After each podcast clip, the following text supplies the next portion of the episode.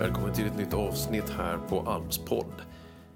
Jag spelar in den här podden i Falkenberg och det kommer handla lite om strandsittarna i, i Halland. Det kommer också handla om pingstandlighetens betydelse för att få se en utveckling i nuet. Välkommen att lyssna.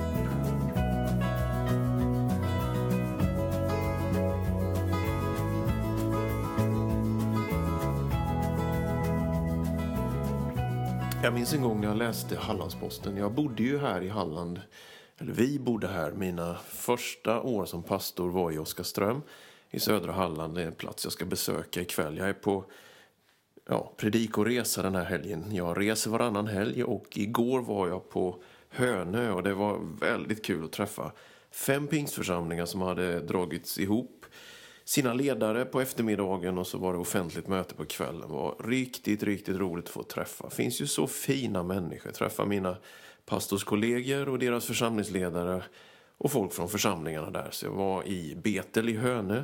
Men det var folk då från öarna i Göteborgs skärgård som hade dragit ihop till den här dagen. Nu idag så är jag i Varberg, i Halmstad och i Oskarström ikväll. Sen blir det eh, Norge imorgon och Drammen.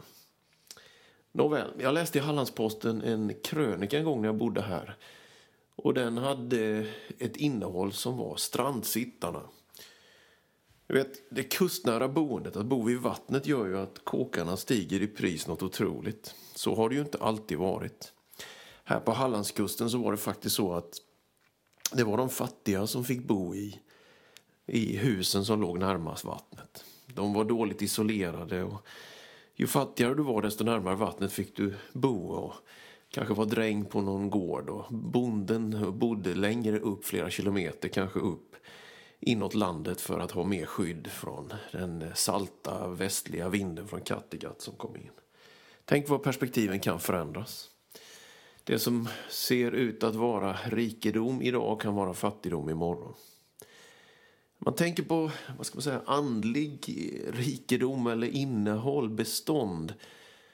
Så menar jag att pingstandligheten som vi behöver återupptäcka den är inte typ fundamentalister som talar i tungor. Det är inte det som är pingst. Pingst är inte fundamentalistiskt. Pingst är en, det är en annan rörelse av människor som upplever ett sätt att vara med Gud i nuet. Att leva med honom, att att uttrycka en framtidsvision i nuet och att fångas av en vind, av en eld, en, någonting som ger kraft åt den enskilde men också åt kyrkan som faktiskt förbereder för framtiden tillsammans med Jesus i evighet. Och Det är det som är pingst, det är det som är andligheten pingst. Och jag tänker att det är sorgligt om vi dras iväg allt för mycket och förstår oss själva som om vi vore i första hand baptister eller protestanter eller evangelikaler. Det finns ju ett gott arv. Jag är ju troendedöpare så jag är ju baptist. Jag har ju ett arv ifrån Martin Luther som vissa bitar där som man verkligen, verkligen är tacksam för när han skriver om eh, Kristi rättfärdiggörelse som vi tar emot av eller genom tro. Och det är ju någonting som är fantastiskt. Det finns någonting i det evangelikala stråket från Billy Graham om Jesu unika ställning och synen på mission som vi såklart kan ansluta oss till. Men det som är den springande punkten, det som är starten, är egentligen inte något av det. Så det behöver inte tas fram, vad ska man säga, i, eh, i någon slags divergering eller att differentiera sig mot andra rörelser. Men det är ändå viktigt att förstå vem är då jag och vad är jag född i? I vilken strömning och i vilken form av kristen tro? Och där menar jag att vi, vi behöver återupptäcka elden från pingstdagen, elden från Azusa Street när den moderna pingströrelsen startade för över hundra år sedan i Los Angeles i USA. Den, den, den passionen, den beröringen, det fysiska kan man säga. Alltså det, det kommer ut i det fysiska, en, en erfarenhet som också sätter mig i rörelse. Hur är det då idag? Är det aktuellt? Är det intressant? Är det viktigt? Ja, man kan nog säga så här att eh, det finns en, eh, en passage i pingstdagens berättelsen från pingstdagen som Lukas skriver i Apostlagärningarna 2 som jag tycker är allt det här är intressant för att förstå kyrkan, förstå kyrkans uppdrag. Men det som händer där är ju bland annat att när den första kyrkan går ut på gatorna i Jerusalem, man är uppfylld av helig ande och man sätter sig direkt i rörelse så tror folket att de är berusade, att de är berusade av vin fast det bara är förmiddagstid. Och då gör aposteln Petrus det som jag menar att vi måste göra idag. Han både försvarar den unga kyrkan och han förklarar vad ett andligt skeende är. Han säger nej, det är inte som ni tror att de är berusade. Utan det är som det står i profeten Joel, att det ska komma en dag när jag ska utgjuta min ande över allt kött, över mänskligheten.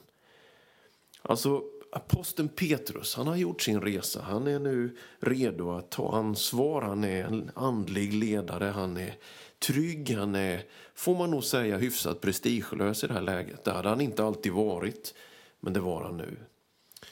Och när aposteln Petrus står där och säger det så gör han någonting väldigt viktigt som vi behöver göra idag i våra pingstförsamlingar, i mötet med nya människor som kommer till våra gemenskaper så behöver vi på något sätt försvara vad är, vad är ett andligt skeende, förklara det och vi behöver också försvara den lilla plantan av tron av en nystartad församling kanske.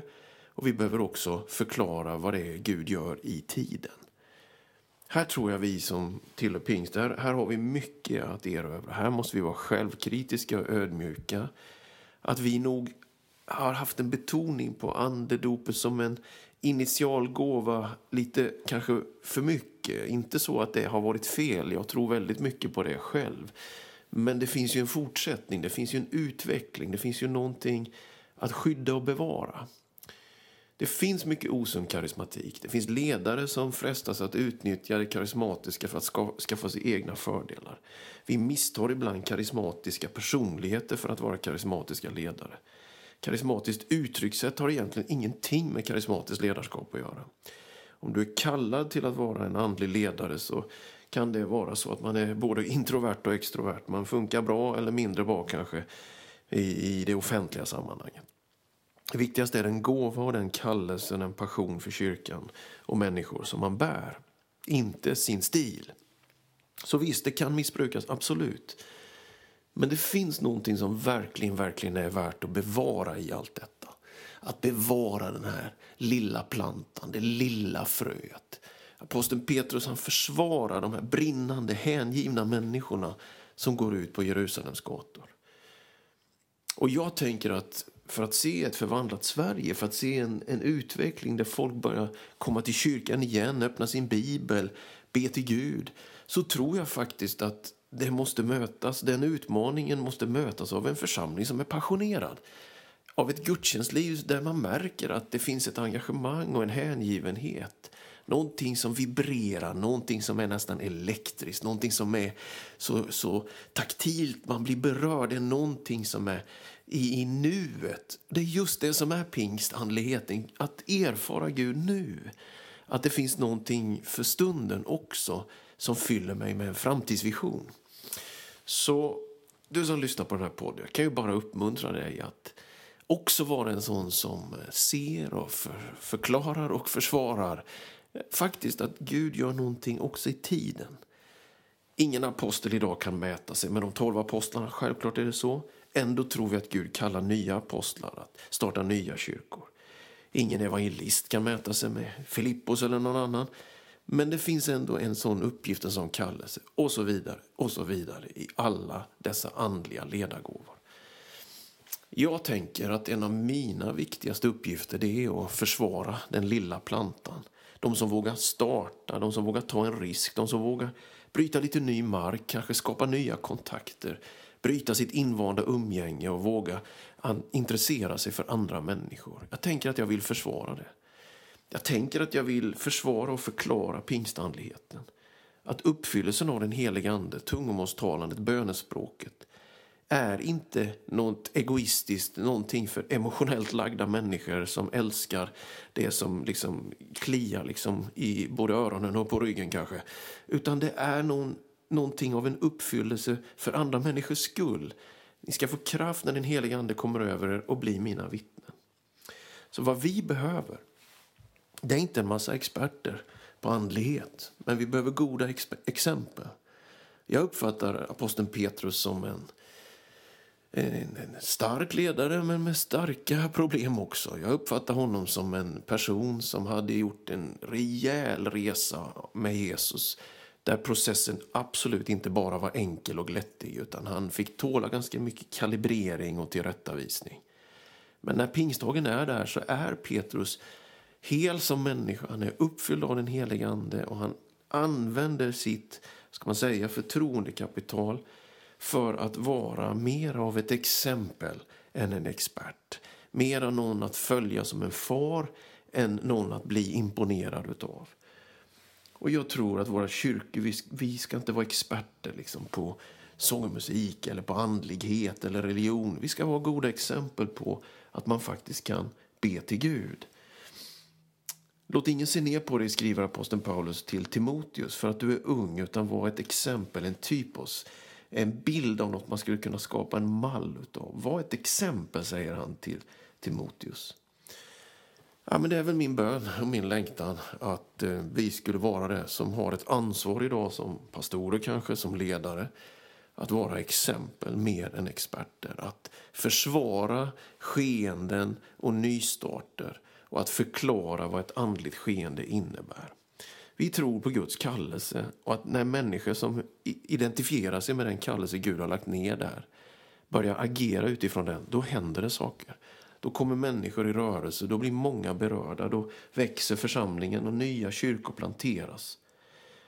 Jag tror på en pingströrelse som har, som har generositet och som har tid, som inte ständigt gräver upp de små fröna utan låter dem få ligga där och gro. Och jag vill uppmuntra dig som bär någonting nytt inom dig, något du längtar efter ska hända i ditt liv eller i din församlingsliv. Jag vill uppmana dig att vara uthållig, låt det ta tid. Det tar tid innan någonting gror. Och det som är ett frö, ett utsäde, det kommer att bära sin frukt i sin tid. Men det tar tid. Därför så behöver vi lita på Gud och lita på hans verk. Och vi behöver vara en gemenskap som faktiskt är försiktiga med att döma för snabbt. Man kan göra korrigeringar, man kan analysera, man kan utvärdera. Det behöver vi göra. Jag tycker det är viktigt. Men vi får akta oss för att fördöma eller slutdöma, att avfärda. Vem av oss vet vad Gud har planerat i en ung människas liv eller i en nykristen människas liv eller någon som har nyss har kommit från ett annat land till vårt land? Eller en gammal ingrodd frikyrkomänniska som jag själv. Tänk att Gud kan göra någonting nytt i mitt liv. Jag tror att vi behöver en tid framöver nu där våra församlingar minskar på sin driftsbudget för nuet och ökar sin utvecklingsbudget för framtiden. Jag tror att pingstandligheten ska hjälpa oss till det. En nyupptäckt av Andens gåva, Andens liv och Andens kraft. Att den får leda till att det kommer ut på julen, att det skapas utrymmen och rum, möjligheter för nya människor att få smaka detta goda som är evangeliet om Jesus Kristus. Kyrkan är född av Anden och kyrkan älskar Jesus och kyrkan är kallad att älska som Jesus. Till detta ska den heliga Ande hjälpa oss. Tack för att du har lyssnat på det här poddavsnittet. Jag vill bara säga till dig som avslutning, Gud välsigne dig.